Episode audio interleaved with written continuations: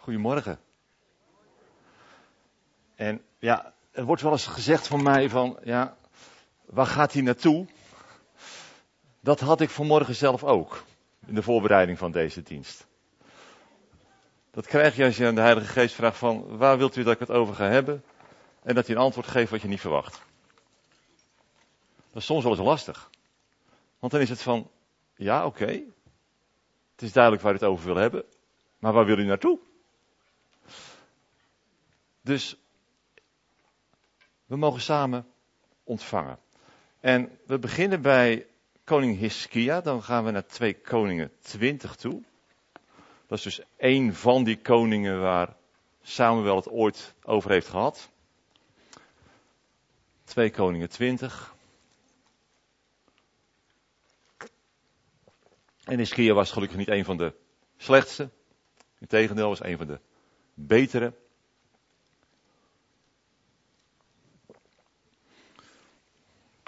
En ik denk dat heel veel mensen wel het verhaal kennen dat Hiskia ziek werd, ernstig ziek. En dat de profeet bij hem kwam om hem te vertellen van, maak voorbereidingen, want je gaat overlijden. En dat hij dan het uitroept naar God. En dat de profeet Jezaja bevel krijgt om terug te komen en te vertellen, God geeft jou er nog 15 jaar bij. Ik heb me wel eens afgevraagd, hoe zal dat zijn? Als je precies weet over 15 jaar is klaar. Is dat zo fijn? dat weet ik niet. Maar in elk geval, hij is daar wel dankbaar voor. En dan, daarna komt dus, komen de mensen uit Babel. En daar lezen we 2 Koningen 20 vers 14. Toen kwam de profeet Jezaja tot koning Iskia en vroeg hem, wat hebben deze mannen gezegd en waar zijn ze vandaan gekomen? Hiskia antwoordde, uit een verre land zijn ze gekomen, uit Babel. En Jezaja vroeg, wat hebben zij in uw paleis gezien? Hiskia antwoordde, alles. Alles wat in mijn paleis is, hebben ze gezien. Er is niets onder mijn schatten dat ik u niet heb getoond. Toen zei Jezaja tegen Hiskia, hoor het woord van de Heer. Zie, er zullen dagen komen dat alles wat in uw paleis is en wat uw vader hebben opgestapeld tot op deze dag naar Babel zal, worden weggevoerd. Niets zal er overblijven, zegt de Heer. En van uw zonen die uit u voortkomen zullen, die u zult verwekken, zullen zij nemen om hoveling te zijn in het paleis van de koningen van Babel. Hiskia zei tegen Jesaja, het woord van de Heer dat u gesproken hebt is goed. Ook dacht hij, het zal immers gedurende mijn leven bestendig vrede zijn. Soort cliffhanger. Hier ga ik hem even hangen. Gaan we naar Psalm 50.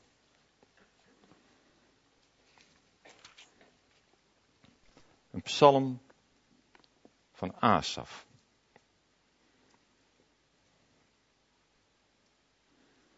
Psalm 50. De God der goden, de Heere, spreekt en roept de aarde, van waar de zon opgaat tot waar ze ondergaat. Uit Sion, de volkomen schoonheid, verschijnt God in lichtglans. Onze God komt en zal niet zwijgen. Vuur verteert voor zijn aangezicht. Rondom hem stormt het geweldig. Hij roept tot de hemel daarboven en tot de aarde om zijn volk te richten. Vergader mij mijn gunstgenoten, die met mij het, of, die met mij het verbond sluiten met offers. Daar verkondigt de hemel zijn gerechtigheid. Want God is rechter. Sela. Hoor nu, mijn volk, en ik wil spreken. Israël. En ik wil tegen u getuigen. God, uw God ben ik. Niet om uw offers berisp ik u. Uw brandoffers toch zijn bestendig voor mij.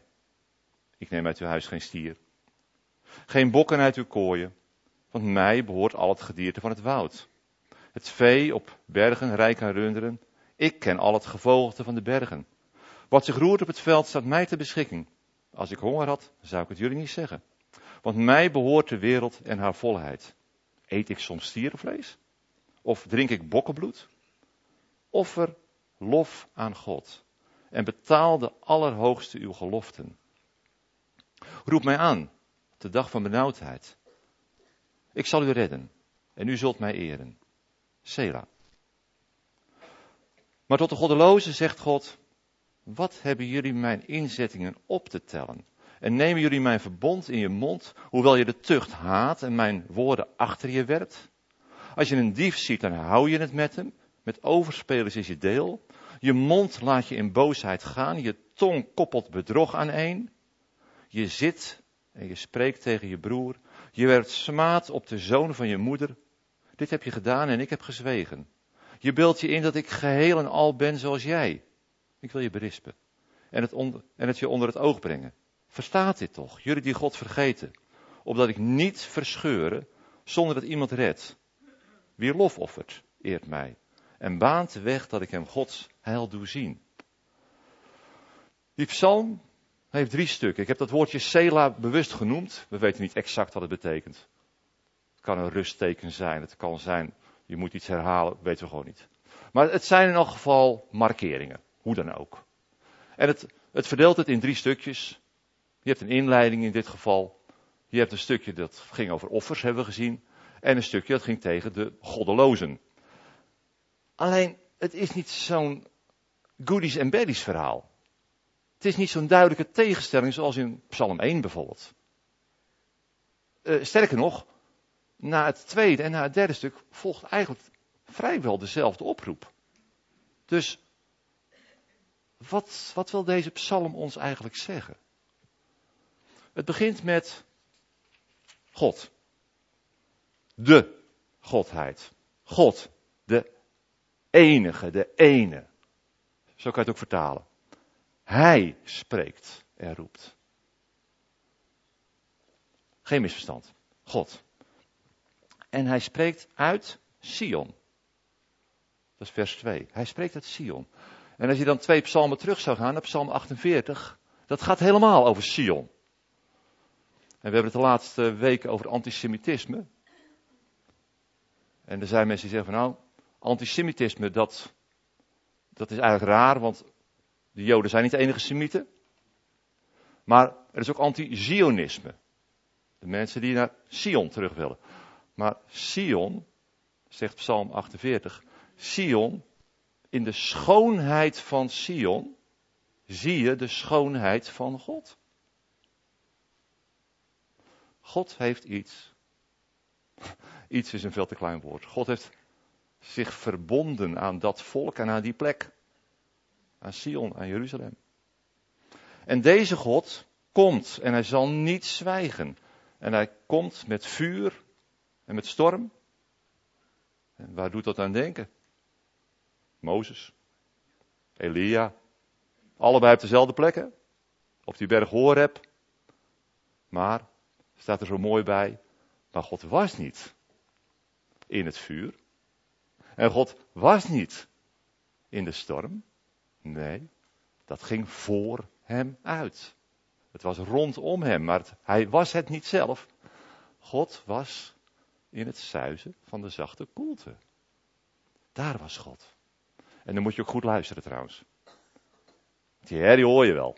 En wij zijn zo gewend aan herrie. In onze wereld.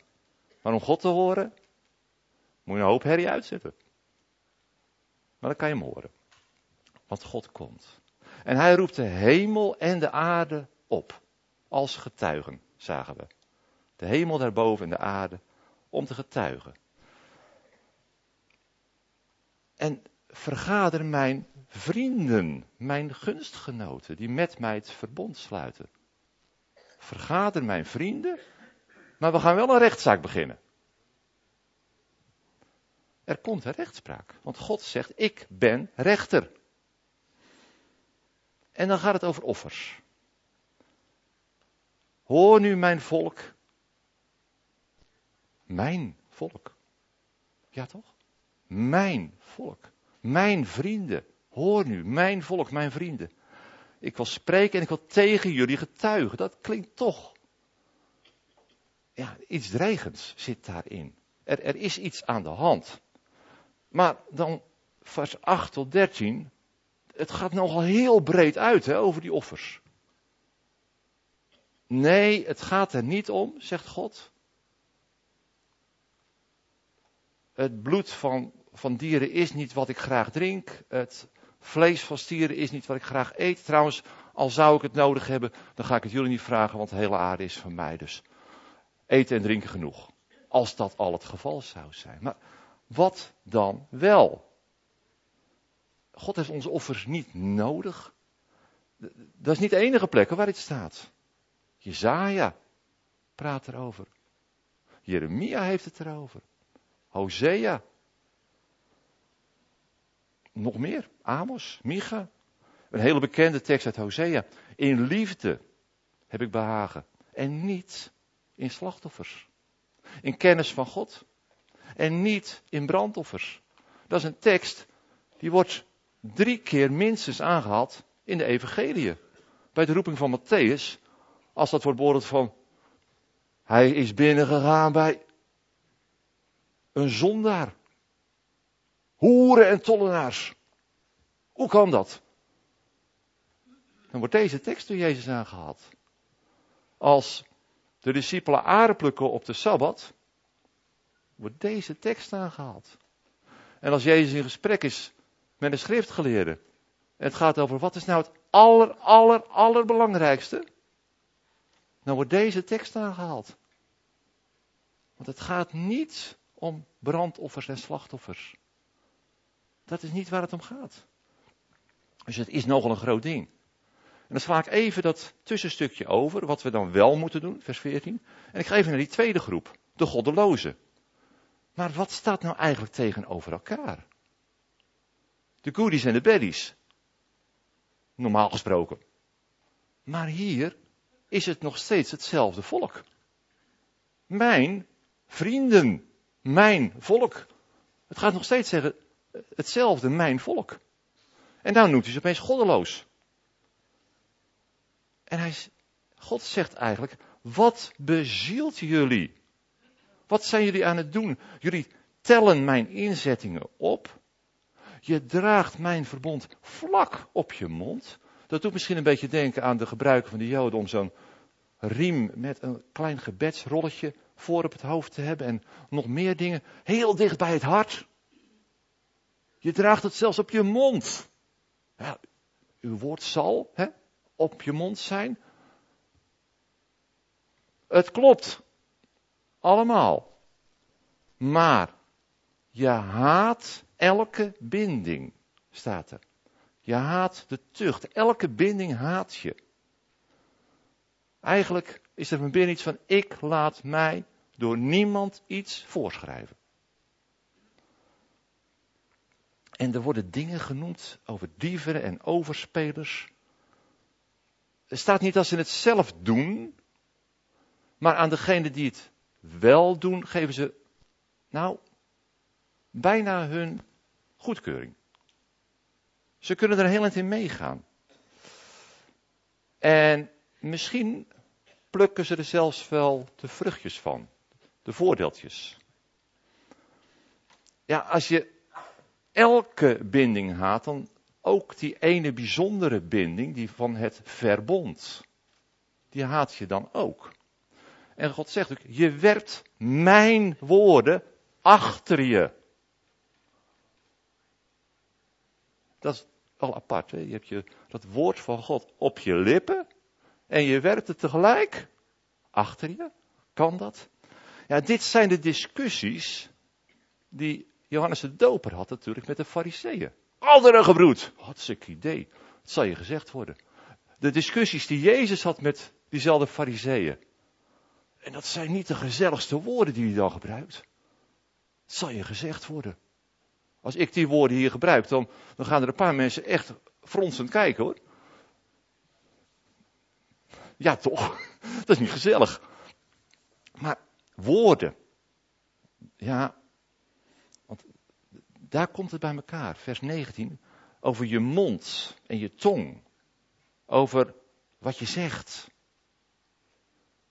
En daar, oh, dat is altijd zo lastig, hè? die mond en die tong. Daar, Jacobus, hè? misschien heb je wel eens ooit een stukje bij Jacobus gelezen over. dat het zo lastig kan zijn om je mond te bedwingen? Ja? Die mensen kunnen van alles bedwingen, maar hun eigen mond, oeh, had ik maar niet gezegd. Die kennen we. En in Psalm 1 staat, probeer het te vermijden. Hè? Ga niet mee op die weg. Ga, schuif er niet bij aan. Doe niet mee. En hier is het juist het tegenovergestelde. Die aantrekkingskracht. Ja, er zit best wel aantrekkingskracht in. In al die dingen. Als je een serie volgt. En dat zijn vaak series van meerdere seizoenen. Tegen de tijd dat je seizoen 5 te pakken hebt, hoeveel echtscheidingen heb je dan gezien? Hoeveel zijn er vreemd gegaan? Hoeveel hebben dit gedaan? En het kijkt makkelijk, hè? Het is net Sinterklaas snoep. Het gaat makkelijk naar binnen. En Sinterklaas snoep, je weet hoe het gaat. Hè? Je neemt één hapje en je blijft gaan, hè? Blijft niet bij één stukje marsepein? Wel, nee. Daarom is na deze maand ook dat we wat breder zijn, soms. Ja, maar dat is ook met deze lekkernijen. Het gaat makkelijk naar binnen. Waarom verkopen die series zo goed? Nou, wij kunnen dat wel verteren. Dat lukt ons wel. Maar, nee, maar wij geven onze goedkeuring niet aan echtscheiding. Kom op. Heeft God nou een probleem met ons? We waren toch zo goed bezig, lieve mensen? Weet je, tot en met het achterste gebod gaat het vaak wel uiterlijk gezien goed. Wij houden het best netjes. En de fariseeën tegen wie Jezus praatte, die liepen niet naar de hoeren. Ik denk dat ik daarvan uit mag gaan. En die waren wel trouw een vrouw, maar die mond, die mond, dat negende gebod, daar gaat het vaak fout. Wij krijgen onze tong niet onder controle. En Jacobus zegt, dan hebben we het over roddel, kletsen en we hebben het over bedriegen. Die twee dingen. En hier wordt gezegd, zelfs je broer, je eigen broer, vers 20, krijgt een duw van je. En als je een duw krijgt, dan kan je zelf een knak krijgen. Want wat kunnen woorden van mensen die jou lief zijn, gemeen hard aankomen. Juist die ruwe woorden. Um, woede. Bij de kinderen werd gezegd, maak het goed. Maar als het nou niet gedaan is. Als het niet goed gemaakt werd. Mensen hebben daar een knak van opgelopen. Die zijn bedrogen door mensen die ze vertrouwden. De woorden. En dat, dat voordeeltje wat er uit te halen is, dat lijkt op wat de psalmen noemen je eigen weg voorspoedig maken. Nou, daarover gaat psalm 49. En als je nou vanmiddag of van de week een half uurtje over hebt, die psalmen staan niet zomaar willekeurig. Begin dan eens te lezen bij psalm 48 over Sion. En kijk dan in psalm 49 naar die persoon die het zo goed voor elkaar lijkt te hebben. Psalm 50 hebben we net gelezen. Psalm 51, offers, offers, offers. Psalm 52, Psalm 53 komt ook weer terug, zelfs tot en met 54. En die verwijst ook weer naar andere dingen terug.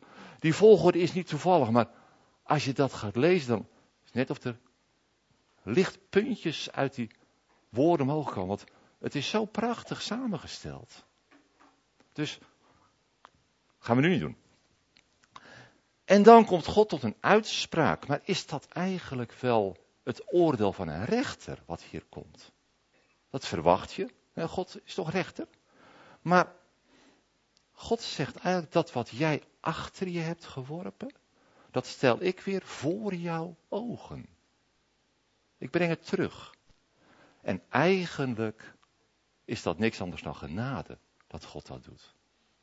Dat hij dit, want wij hebben het neiging om te vergeten.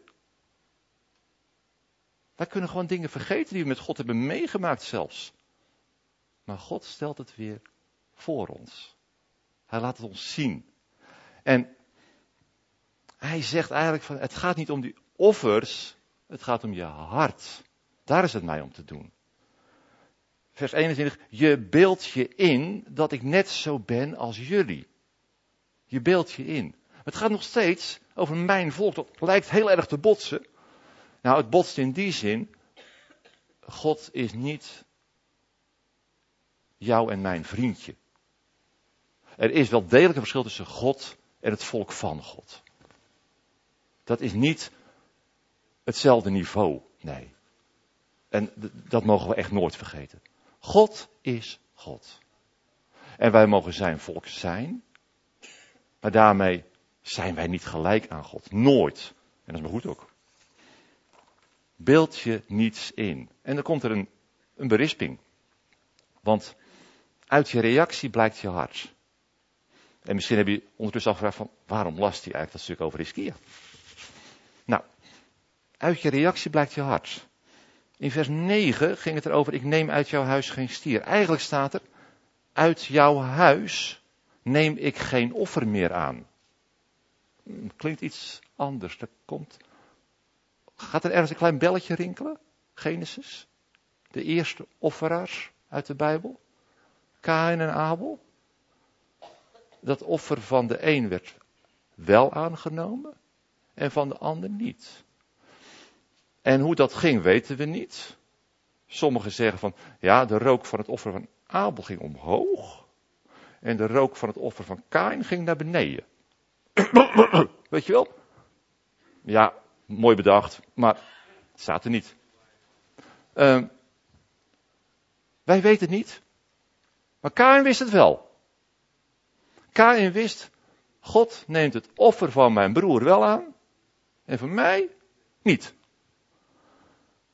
En dan kan je van alles speculeren waarom en hoe. Het een was vlees en het ander was graan. Speculeren. Maar de reactie van Kain is boos. En eigenlijk proef je daar iets in van, God, nou moeten niet gaan zeuren. Ik heb toch gewoon gedaan wat er van mij verwacht werd. Kom op. En dat, dat kan net zo zijn met degene die Psalm 50 als eerste horen. En dat was ook zo bij Johannes de Doper en bij Jezus toen hij, toen hij ze vermaande. We waren juist zo goed bezig. We hebben geluisterd naar Ezra. Ezra heeft ons gezegd dat wij alles serieus moesten nemen. We moesten elke punt en komma moesten we serieus nemen. En dat doen we nu. En dan ga je zeggen dat het niet goed genoeg is. We hebben het nog nooit zo goed gedaan in de hele geschiedenis. Ja, toch? Ze blonken toch uit in precisiteit. Maar God zegt tegen Kain, heers over de zonde. Want hij staat aan de deur. Hij is nog niet binnen. Maar de deur staat op een kier voor de zonde. En jij kunt daarover heersen. En dan krijg je de, de vraag van wat als? Wat als Kain had wel had geheerst over de zonde? Als hij dat had gedaan. Als hij die deur in het slot had gesmeten. Zodat hij niet binnen kon. Als hij, zoals de kinderen het zeiden, het goed had gemaakt. Als hij had gezegd, Heer, maar hoe dan wel? Hoe dan wel? Als zijn hart zacht was geworden in plaats van hard. Als hij had gezegd van ja, ik ben boos, maar eigenlijk snap ik het niet. Wat dan? En Hiskia, Hiskia werd niet boos, hè? maar hij reageert wel apart. Ja, toch? Het, het lijkt erop dat hij zijn trotsmomentje heeft gehad. Hij heeft kunnen pronken met alles en alles wat hij had. En hij reageert best wel egoïstisch. Immers, tijdens mijn leven gaat het goed. Wat ze flats.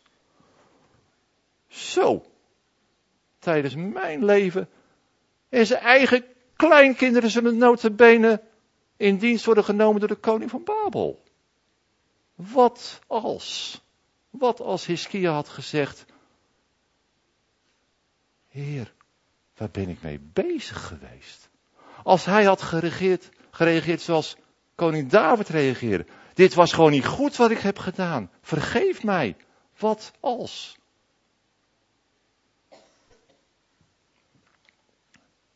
Als hij had gezegd, mijn hart is niet hoogwaardig, zoals een van de psalmen zegt. Dat wil ik gewoon niet. Ik wil die trots niet. Weet je, mensen kunnen raar reageren. Obelix zegt op een gegeven moment, rare jongens die Romeinen. Maar je zou kunnen zeggen, rare mensen die mensen. En ik denk dat God het wel eens zegt. Of denkt. Mensen kunnen zo raar reageren. Het is toch raar wat Hiskia hier doet. Maar uit die rare reacties blijkt wat er in je hart is. En Jezus maakt het duidelijk met een, een ja, ik, ik hoef er niet te zoeken naar een voorbeeld hoor. Jezus heeft hem gegeven. Jezus zegt, de, de beker. Jullie maken de buitenkant van de beker keurig schoon. Maar je vergeet de binnenkant. Nou, als je, dit is een theebeker, hier wordt altijd thee uitgeronken. Dan kan je in borstelen, maar ga er niet met je theedoek doorheen, hè? Dan is je theedoek zwart. Dat gaat er niet zo makkelijk uit. Het is zelfs de vraag of dit er ooit nog een keer wel uitgaat. Maar dat voorbeeld gebruikt Jezus als hij zegt, je bent bezig met de buitenkant. Dat is wat iedereen kan zien. Maar er is ook nog zoiets als een binnenkant, lieve mensen. En de mensen vanaf de buitenkant zien niet wat er bij jou van binnen leeft. Ja, het blijkt soms uit wat er uit je mond komt. Want hè, waar je mond, waar je hart, wat is het, waar je hart vol van is, daar loopt de mond van over. Ja. Als het nou eens andersom was, hè? waar onze mond vol van is. Dat ons, ja nou oké, even dan. Goed. Mensen, wij zijn, wij zijn dus al lekker raar, hè? heerlijk. Maar verstaat dit toch, jullie die God vergeten. Wij zijn eigenlijk heel vergeetachtig. Daarom zitten we elke zondag bij elkaar, omdat we zo vergeetachtig zijn. We helpen elkaar herinneren. Ook dat is genade van God. Het, het was trouwens ook genade van God dat hij naar Kain kwam. Hij kwam naar Kain om hem te waarschuwen. En hij kwam nog een keer naar Kain om na de moord. Hij kwam naar Hiskia toe. Ook dat is genade. Als God vermaant, dan is het niet om je pit, pet, pats om je oren te doen. Nee, het is genade. Hij, hij wil niet dat we doorgaan op die weg. Hij houdt te veel van ons mensen. Hij houdt veel te veel van ons om ons daarin door te laten gaan. Dat, dat doet hij niet. Dus jullie die het verbond vergeten, ja, dat is dat verbond uit uh, het begin, vers 5. Die mijn verbond sluiten met offers. Weet je wat er letterlijk staat? Die mijn verbond snijden met offers. Dat verwijst naar een, een gebeurtenis bij Abraham. God zegt op een gegeven moment tegen Abraham, ik wil een verbond met jou sluiten. En dat, wat doet Abraham dan? Dan gaat hij dieren door midden delen. Een aantal dieren. En die legt hij, die helften, zo op een rijtje. En er is een pad tussendoor. En de bedoeling is dat de verbondspartners dan samen daar tussendoor gaan. En daarmee zeggen ze van, als een van ons tweeën de afspraken breekt, dan mag met die persoon gebeuren wat met deze dieren gebeurd is. Want in feite ben jij dan al een verdeeld persoon geworden, omdat je niet je aan je woord hebt gehouden. Dat doet Abraham. En Abraham wacht op God, maar God komt niet. En dan valt Abraham in een soort slaap. En dan ziet hij een visioen. En dan ziet hij dat God alleen tussen de gehalveerde dieren doorgaat. Dat betekent, dat betekent dat God zegt, de uiterste consequenties van het verbond neem ik op me. Dat is genade. De uiterste consequentie van het verbond is Jezus Christus aan het kruis. Dat is wat er gebeurt. Wij zijn vergeters van het verbond dat gesneden is. God vergeet zijn verbond met jou en mij, met deze wereld. Nooit. Daar staat hij voor in. Wat dan wel? Vers 14. Offer liever lof. Of dank. Eigenlijk hetzelfde woord. Lof of dank is hetzelfde. Het gaat om je hart. Als je dat doet, als je God dank brengt, dan erken je dat jouw loonstrookje niet kwam omdat jij zo hard hebt gewerkt, maar omdat je het gekregen hebt van God. Dat jouw leven een geschenk is van God. Erken je dat, ja, wie Hij is eigenlijk, hè? Hij is jouw papa, Hij is jouw vader. Hij houdt van je, Hij zorgt voor je, jij komt voor Zijn rekening. Dat is Hij. En dan zegt hij iets heel aparts bij. Die zie je niet aankomen, vers 15. Roep mij aan op een dag van benauwdheid. Op een dag van nood, roep mij dan aan. Dat vindt God belangrijk. Ik zal jou uitredden. En zo geef je mij glorie. Het gaat een hele andere kant op dan je zou verwachten. Je zou een pits, pets, pats om de oren verwachten. Maar het gaat een heel andere kant op met God. God zegt, ik wil jou heel dichtbij hebben. Ik wil eigenlijk dat jij dat kindje bent die zegt, papa, help. Dat wil God. God wil papa zijn. God wil papa zijn. Heb jij een dokter nodig? Volgens Jezus hebben we er eentje nodig. Ja toch? Als Jezus daar bij Matthäus in huis zit. En de mensen die buiten staan, die hebben commentaar. Dan zegt Jezus, ja, gezonde mensen, die hebben geen dokter nodig. Zieke mensen wel. Heb jij een dokter nodig? Hebt u een dokter nodig? Als je naar de dokter gaat, dan zeg je, ik, ik heb hulp nodig. Als je geen hulp nodig hebt, ga je niet. God zegt, heb jij een dokter nodig? Jezus zegt het. En deze psalm zegt het eigenlijk ook. Heb jij een dokter nodig? Heb jij hulp nodig? Of denk jij ook dat je het zelf moet doen? Of misschien zelfs dat je het zelf kunt doen? Misschien voel je wel een, een, iets van, ja, maar ik moet het toch zelf doen? Het antwoord van deze psalm is nee. Sterker nog, wat deze psalm zegt, je kunt het niet eens. Je, je kunt het niet zelf. Je, je gaat het niet redden. Gaat niet lukken. Die gedachten blijven in jouw hart. Het wordt niet schoon van binnen. Dat kan jij niet. God alleen kan het schoonmaken. Dat is wat hij wil. Hij wil, hij wil niet proberen dat jij je eigen weg voorspoedig maakt. Of dat we vertrouwen wat we zelf kunnen. Laat los. Een dankbaar hart, dat prijst God. Daar komt de lofprijzing uit voort. En degenen die dat kennen, die weten dat het elke dag het verschil maakt. Een dankbaar hart maakt het verschil. Een bezorgd hart is naar binnen gericht, een dankbaar hart is naar buiten gericht. En dan komt er nog een, je zou er zo overheen lezen hoor. Wie lof offert eert mij en baant de weg dat ik hem Gods heil zie. Het, het laatste versje, daar staat eigenlijk iets wat ze niet goed konden vertalen. Daar staat wie zich op de weg zet. Hem laat ik zien de redding door God. Letterlijk staat dat. Maar ja, de weg. Nou weten wij van het Nieuwe Testament daar wel iets van.